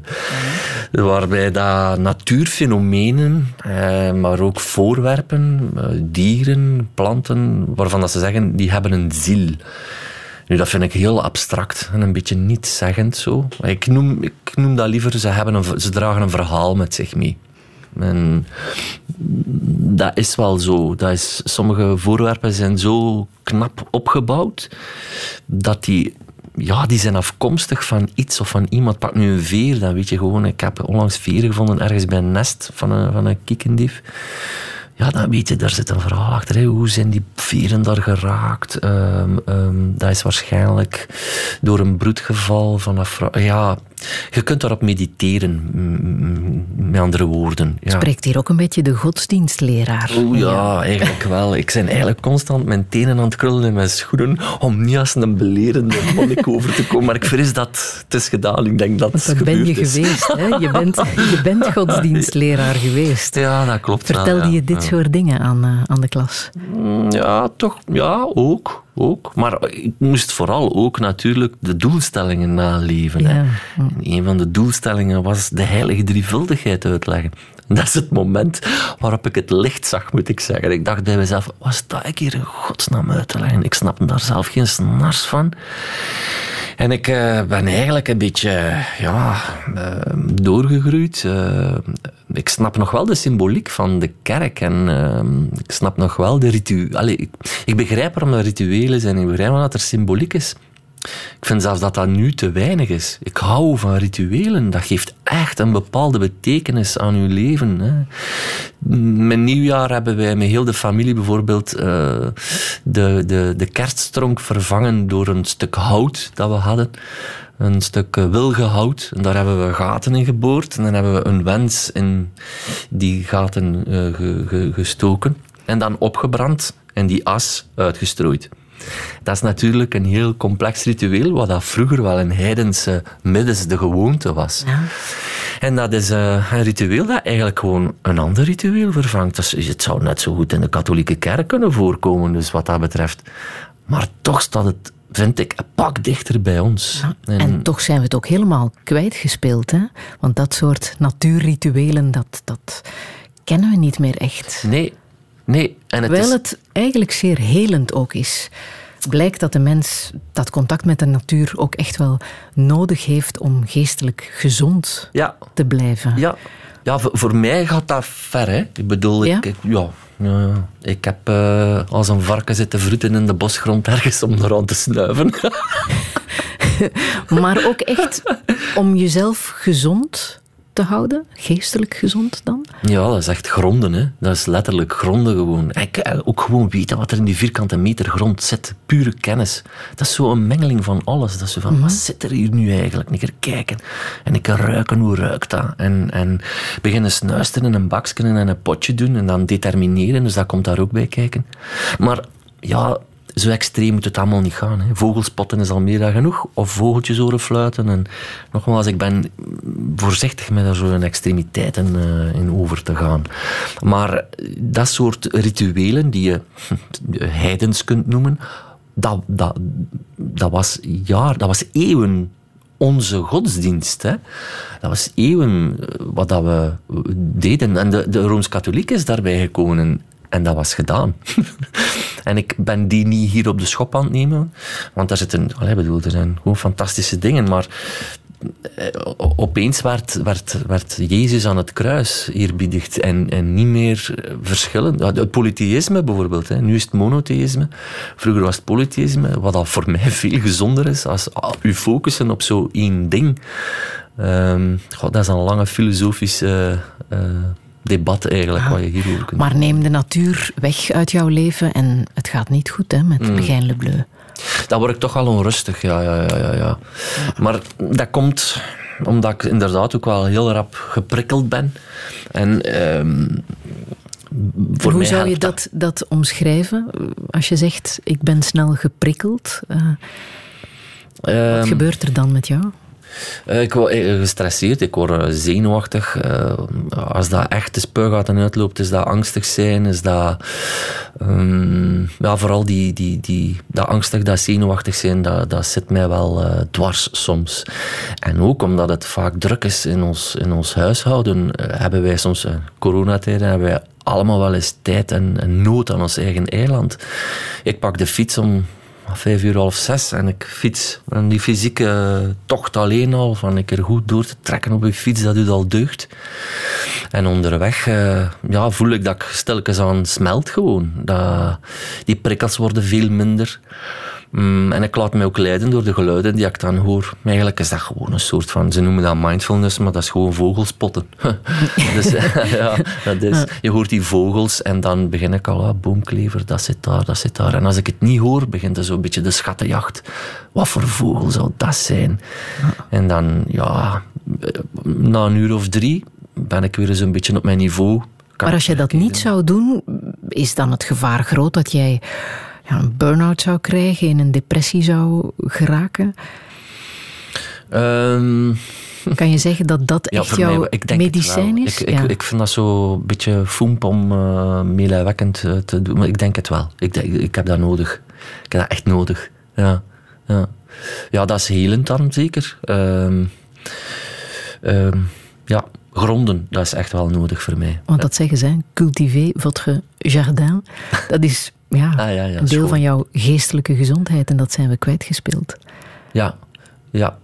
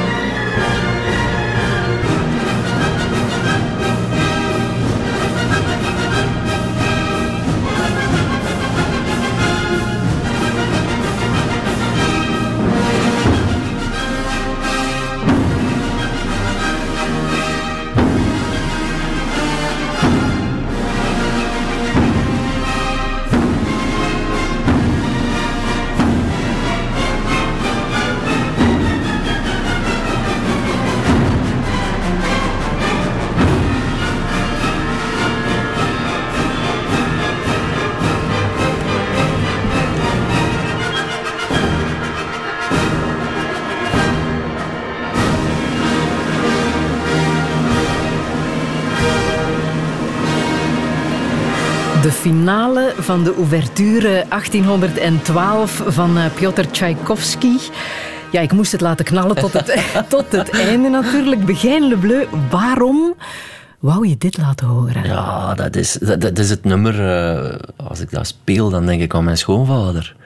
Dat eh, dus heet 1812 van Tchaikovsky. En hij, hij had dat al op LP, maar ik had een versie met echte kanonnen. Dit waren pauken, hè? Dit waren pauken, denk ik, ja. En dat knalde gigantisch. En hij, hij zei, "La- laat me dat eens horen. En hij heeft eh, heel goede speakers. En daar heeft hij dat ook echt laten op knallen. Hij vond dat geweldig. Ook dat je het koper zo hoorde in die blazers allemaal. Dat vond hij fantastisch. En, en ja, op die manier is dat ook wel iets dat altijd bij mij gebleven is. Dat, 1812, dat is mijn schoonvader. Ik vond het wel bizar een beetje toen ik iemand klassiek geschoold eh, liet weten van, dat is, en die zei van, oh, dat is het. Charles Tchaikovsky vond dat niet mooi. Dat is walgelijk. Maar ja, ik, ik, ik, ik- van, en je hoort het ook, alle registers worden opengetrokken. Maar dat doet wel eens deugd, vind ik zo een keer. Gewoon, En wat zegt dit over jouw schoonvader, dat hij dit ja, dat hij- fantastisch vond? Ja, een enorme muziekliefhebber was. Een enorme genieter van het leven. Ehm, heel bescheiden op de achtergrond. Slim, was heel slim. Was heel intelligent. Maar zo- een van de momenten eh, die ik ook nooit zal vergeten was, ik heb ooit grote speakers op de kop kunnen tikken. En ik liet dat zien aan mijn schoonvader, want die heeft er verstand van. Hij zei van, die moeten kopen. En wij s'avonds met z'n tweeën naar dat winkeltje om die speakers en dan die speakers aansluiten. Ik heb zo'n werkkot. En dan echt de meest, de meest hilarische deuntjes opzetten waar het de grootste bas in zat. Om die, hij noemde dat woefers en blaffers. Dat zijn de, Ja. woefers en blaffers. En dan, dan hoorde dat effect heel goed. Hè. En dan ja, eh, toch wel een paar uur in de zetel eh, blijven zitten om die boksen uit te testen.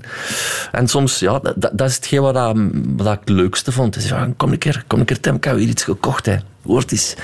Ja, dat is fantastisch, fantastisch. Mis je hem? Ja, we missen hem allemaal. Ja, ja, ja, ja. ja. Hij verjaarde normaal gezien eh, gisteren, dus dat, dat, dat was ook weer zo'n beetje een herdenkingsdag. Ehm, ja, het is onwezenlijk dat hij er plotseling niet meer is. En ehm, ja, het is raar. Het is ook zo wat het eerste verlies eh, in, in, mijn, of in ons leven. En dat is toch lastig. Eh, ja, waar is die? Dat is eigenlijk de grote vraag. Een, een vrij eenvoudige vraag, maar waar is die nu? En dan denk ik dat die daar is in onze daden en in, in de spirit die we aan de dag eh, leggen. Niet dat we geen verdriet mogen hebben, want ik denk dat hij dat niet. Ik denk dat hij daar vooral bang voor was dat wij verdriet zouden hebben. En dat mag je wel, vind ik.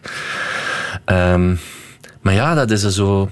Je voelt de verantwoordelijkheden verschuiven. Ja, ja. Wij zijn eind de 40, mijn vrouw en ik. En, en je voelt van, oké, ehm, ja, geef het maar over. Hè. Ehm, maar alles gaat goed. Ik denk dat we er als familie sterker uitgekomen zijn.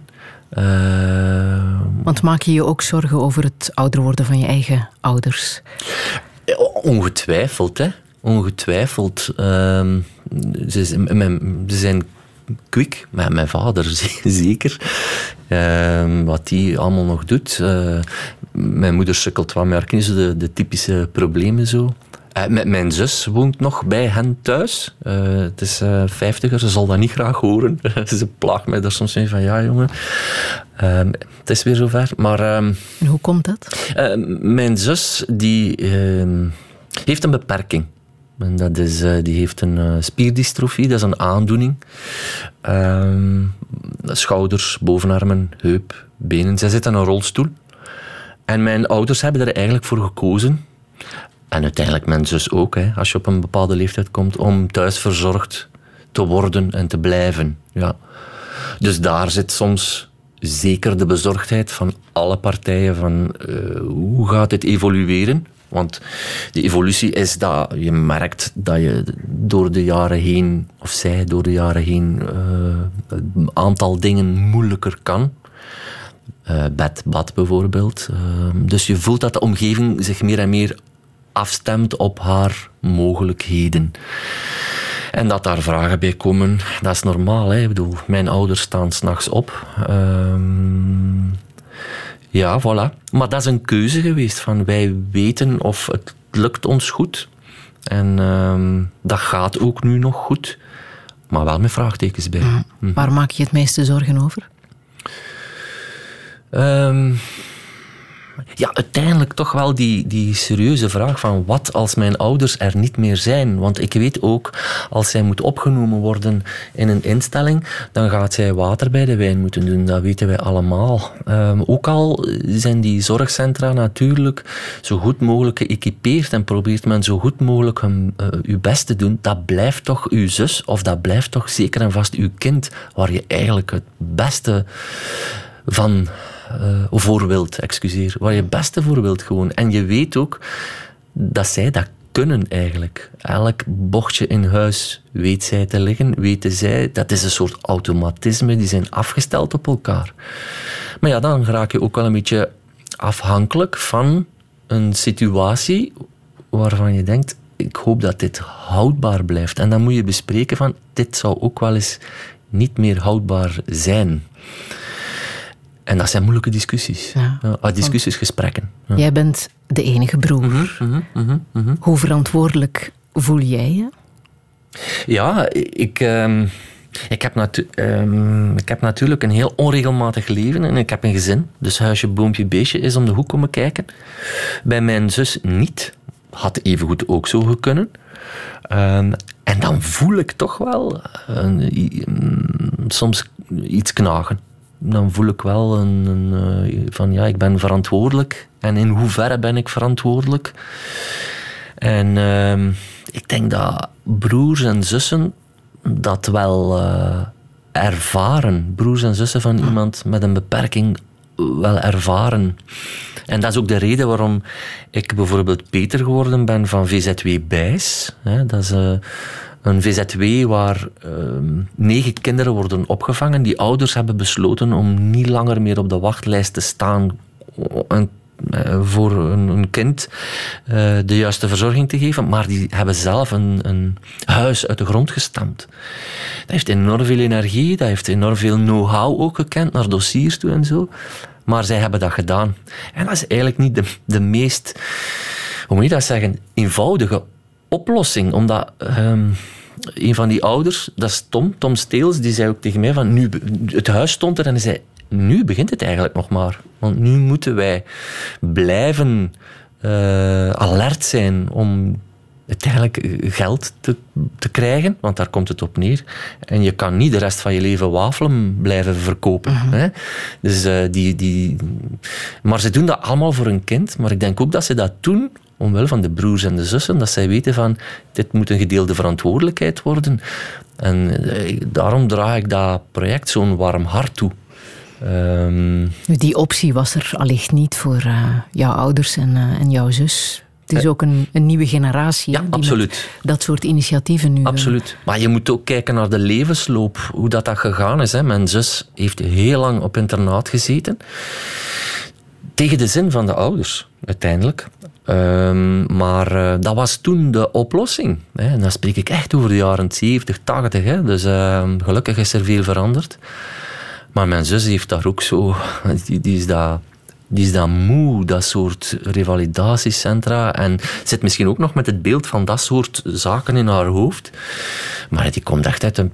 Weet je, mijn moeder is heel punctueel wat haar kinderen betreft. Gelukkig maar. Maar wanneer dat zij dan toen ergens kwam en zij vond dat dat of dat niet in orde was, ja man, dan... Ik heb mijn moeder niet veel boos gezien, maar toen wel hoor. Dan was dat van, en hoe komt dat dit niet in orde is, hoe komt dat dat niet in orde is. Was heel streng en kritisch, gelukkig maar. En ja, dan besef je van, ik kan daar wel beter voor zorgen als ik zie dat hier een hele week zo zit. Dus onderzoek enzovoort, dat is allemaal gebeurd. Maar je voelt wel dat de wilskracht daalt om daar constant tegenin te gaan. Want iemand met een beperking, daar heb ik het ooit met William Boeva ook over gehad. Iemand met een beperking, dat is heel raar, maar mentaal moet hij eigenlijk niet sterk staan, die moet supersterk staan. Om constant die aandacht te vestigen op hey, ik heb een beperking. En om dan niet als slachtoffer over te komen en als een zeur. eh, Een moeilijk straatje waar je in zit. Ehm, ja. Heb jij je schuldig gevoeld dat jij gezond bent en zij niet? Ehm, ik heb me wel de vraag gesteld. Ja, maar... Hoe komt dat, dat zij niet gezond is? Ja, absoluut. Nu, dat is een, dat is een erfelijke kwestie. Hè. Dat is ook uitgeplozen en ik ben geen drager eh, van het gen. Ehm, en nog meer denk ik mijn ouders. Mijn ouders denk ik dat ze zeker de vraag in zich hebben. En dat speelt en dat mag je niet onderschatten, denk ik. Ehm, maar ja, ik ook. Maar ik heb denk ik de wilskracht om... Ik weet dat ik ehm, stop met de, eh, in actie te schieten als ik daarbij blijf stilstaan. Dat heeft geen enkele zin. Niks, 0,0. Dus ehm, ja, mijn, mijn pad is soms gewoon rechtdoor. Dat is wel een beetje mijn karakter. En eh, ja, daar ga ik ook rechtdoor. Ja. Heeft zij ook wat aan de natuur, aan het vogelspotten? Eh, Ik denk dat zij onbewust wel veel bezig is met de natuur. Zij is heel creatief en ze is voortdurend bezig in het circuit waarin dat zij dingen maakt. Heeft ze aanzien. Eh, dat gaat dan over de, het circuit van um, teddyberen bijvoorbeeld en sieraden maken. En ik zie daar voortdurend natuurelementen in voorkomen. Maar dat is iets dat wij ingelepeld hebben gekregen van thuis uit. Dus, ze zit ook vlak bij de tuin met haar tafel, werktafel, waar ze voortdurend creatief is. Dus ik denk wel dat dat iets is eh, wat haar beïnvloedt. Ja. En kan ze lachen met jouw moppen? ze is mijn grootste fan, denk ik. ja, ja, ja, absoluut. Maar iedereen hè, thuis is... eh, Wat heeft dat er iets mee te maken dat jij ja, in eh, toch niet zo makkelijk gezin bent opgegroeid, dat je de humor hebt kunnen gebruiken? Ja, humor is een belangrijk aspect. Er wordt gelachen, er wordt ook veel gerelativeerd. Ook rond de, de beperking van mijn zus. Ik ben er eigenlijk pas over beginnen nadenken toen jij de vraag stelde eh, via mail. dat ik dacht van, ja, ben ik ik. Want onbewust gaat alles goed. Maar misschien heb ik bewust wat aandacht tekort gekregen. En probeer ik dat wat te compenseren op een podium. Nu, ik denk dat ik mijn aandacht genoeg heb gehad, moet ik toegeven. Eh, pff, Het is een balans.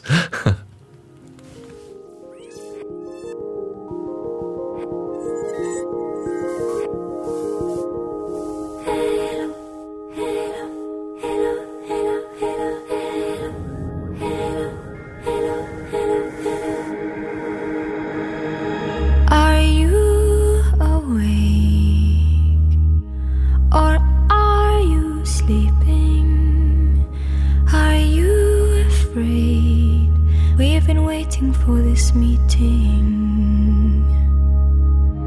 Oh, Superman, are you with me when I am too weak? Oh, Mother, are you dreaming of me in your sleep? We have come before you, and we're coming in peace. Mothership will take you on higher, higher. This world you live in is not for someone like you. Come on, let us take you home. It's time to go. You are infected.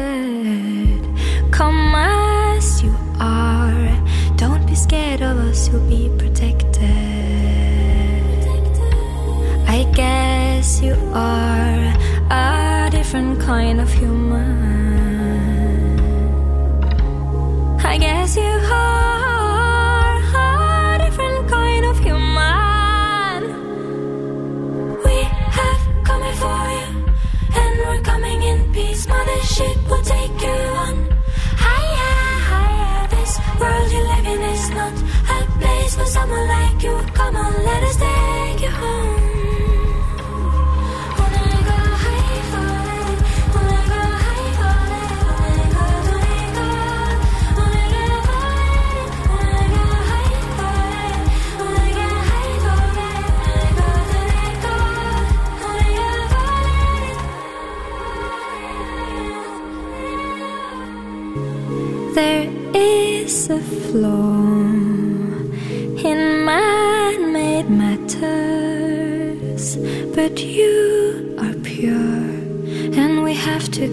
Out of here.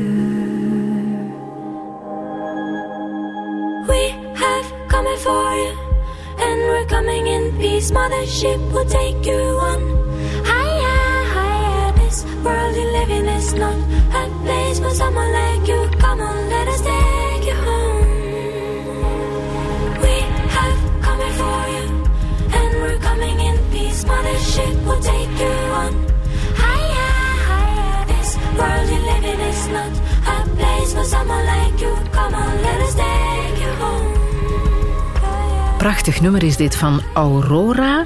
A Different Kind of Human. Staat ook op jouw Spotify-lijst. hè, Want je hebt een eigen eh, Spotify-lijst, Begin Le Bleu. Waarom wou je dit laten horen? Oh, ik, ehm, mijn dochters vinden Aurora geweldig. Dat is ook een Noorse zangeres trouwens. Ehm, en dat, klopt eigenlijk wel. Ik, ik ehm, het, gaat, het verhaal gaat over buitenaards leven dat naar de aarde... Zo interpreteer ik het. Buitenaards leven komt naar de aarde en een van die wezens pakt iemand op en die zegt van, jij bent eigenlijk te gevoelig om hier te zijn. Kom, wij nemen u mee.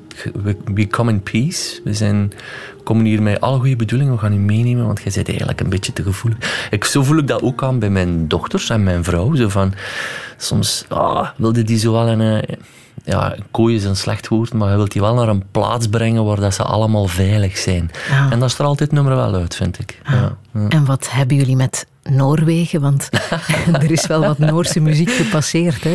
Eh, wij hebben eh, een aantal jaren veel, eh, zijn wij veel naar Denemarken geweest. En daar hebben wij fantastische tijden beleefd. Ook wat vogelspotten trouwens. Ehm, maar onze volgende stap zou Noorwegen worden. Bergen. En ik- we hadden dat allemaal gep- gepland. Maar ja, corona stikt daar nu een, eh, een stokje Ja, voor. voorlopig kan het waarschijnlijk niet. Hè? Het is Nee, nog nee, niet nee, zeker, maar... Dus ja, wij zijn wel eh, Noorderlingen wat dat betreft. En ehm, ja, voilà. vandaar dat we ook wel geïnspireerd raken door eh, die muziek. Ja. Ja, volgende zomer word jij 50, hè? Mhm. Aha. Dank u. Wat ga je daarmee doen? Ehm, goh, eigenlijk nog niet over nagedacht. Eh, Ik ben niet zo'n feestjesman. Pup, pup, pup, eh, ik vind... ah, Geen feestjesman. Nee, nee. Nee, niet te veel mensen over de vloer. Ja, ik vind het wel fijn als ze komen aanwaaien. Dat vind ik wel leuk. Maar eh, zet u dan en neem de dingen zoals ze zijn gewoon. Ik ga niet oh, speciaal mijn kot kuisen of... eh, ja, vind ik- Word je zelf wel eens uitgenodigd op feestjes? Wel, ik denk eh, dat dat wederkerig is, dat dat dan ook niet zoveel gebeurt. Hè? Eh, daar... daar ehm, Vind je dat erg? eh, ja, ik... ik ehm, ja, ik vind dat wel eh, niet zo'n mooie trek van mij. Dat ik eh, sociaal gezien een beetje achterop hink. En dat is nog proper uitgedrukt. Ik, ik zie soms geboortekaartjes binnenkomen. En ik van, ah ja, oké, ik ga kaartjes sturen. En dan doe ik dat niet. Dat, dat sleept dan aan. En eh, ja, dan, dan, dan eh, zit ik op mijn eiland, vermoed ik. Ik zit op mijn eiland van mijn eigen gedachten en creaties. En ik heb daar ooit heel lang geleden met Sabine Appelmans eens iets over gezegd. En Sabine Appelmans had toen een kind en die zei van... Ik weet niet of dat... alhoewel, ja, Sabine zei van, ja, ik ben altijd gewend dat de aandacht naar mij kwam. En nu komt dat naar dat kind. En ze zei, dat is voor mij echt een oefening gewoon. En mijn dingetjes zijn allemaal mijn creaties, want mijn hoofd staat niet stil. En dan bouw ik daar iets rond en dan ben ik daar zo gefocust mee bezig dat ik de rest uit het oog verlies. En dat is voor mij zo'n moeilijke oefening om terug, terug op aarde te komen. Het mooiste cadeau dat jouw vrouw je kan doen voor je verjaardag is je alleen loslaten in de natuur en zien of je s'avonds thuis komt. Er zal wel een taart klaarstaan. Ja. Ja Mag toch ja, ook, hè? Ja. ja, dat mag. Dat mag, absoluut. Maar, maar zij weet dat ook. Hè. En dat is ook gebeurd. Dat is ook een verhaal dat in het boek staat trouwens. Ja, maar als je dat ook krijgt als cadeau, dan weet je ook van, ja, die snapt mij en die weet ook gewoon... Ja, dat is ook wel wat liefde. Dat is liefde, vind ik. Die weet dat. Dus opstaan, eh, het is uw verjaardag vandaag, dat was in Zwitserland in de Alpen. Hier is uw rugzak, hier zijn uw schoenen. Mag dat je Mag weg dat je weg bent. Geweldig toch? En dan thuiskomen en dan... eh, ik had toen een steenarend gezien, dat weet ik nog. En thuiskomen en oh, was het leuk, papa? En dan staat er taart en jezus. Nou, Welke boodschap wil je hier nog meegeven? welke boodschappen? Wat moet, dat moet. Ja? Het is van moeten. Eh, ja, soms, soms, soms moeten er dingen gebeuren waar je totaal geen zin in hebt. Daar ben ik heel slecht in. Ik wil eigenlijk soms voortdurend mijn zin doen, maar dat kan niet. En eh, dat is Maar wel kijk ook wat meer naar buiten, naar de natuur. Ja, ja, ja. ja. Wat wel, ja als, gebeurt. als, ik, ik, ik, dat is toch wel iets waar dat ik eh, meer werk van wil maken, op een positieve manier misschien. Maar dat, dat, dat er toch meer sensibilisering, dat er meer realisatie komt rond hoe waardevol dat die dingen zijn die in de natuur voorkomen. En er zijn gewoon. Dat, leer kijken, leer luisteren, voelen, ruiken, doen. En als we een dood vogeltje vinden, moeten we dat dan echt in onze diepvries steken?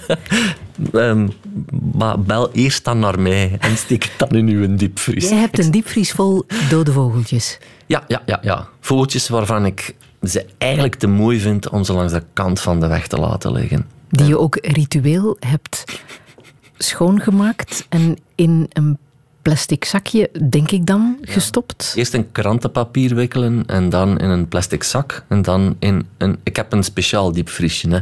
Want ik mocht niet meer tussen de soepgroenten liggen. dus, eh, maar eh, ik gebruik ze ook als educatief materiaal bij wandelingen voor kinderen. En die vinden dat geweldig gewoon om, om te voelen. En, Begijn Le Bleu, ik heb eh, nog een nummer van Brian Eno. Niet echt een vrolijke noot. Nee. Bone Bomb Bonebaum, ja. gaat over. Dat gaat over een eh, zelfmoordterroriste. En Bonebom is een, eh, een gedicht. Het is de, de- uiteindelijk is een zelfmoordterrorist zelf ook een bom van splinters door het gebeente. my body. So thin, so tired, beaten for years. Plowshare to bomb. So hard. Uh, uh, uh, uh, uh, uh, uh, uh, bone bomb. Bone bomb. Bone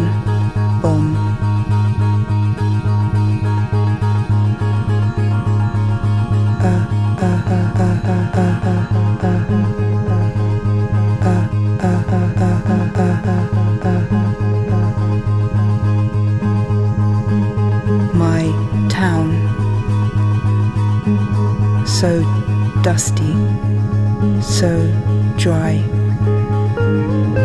Buildings pushed over. Lives heaped together. Uh,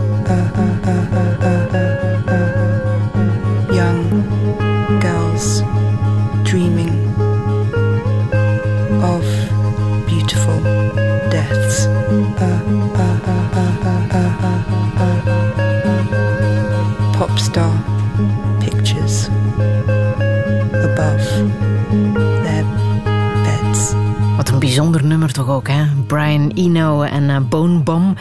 Begijn Le Bleu, ik wil jou heel hartelijk danken voor eh, het fijne gesprek. Alle info is zo meteen na te lezen op onze website radio1.be. Daar kan je je ook abonneren op de podcast eh, en eh, op de Touché Spotify-lijst. Volgende week ontvang ik hier een kind van de Holocaust en dat is Arthur Langerman.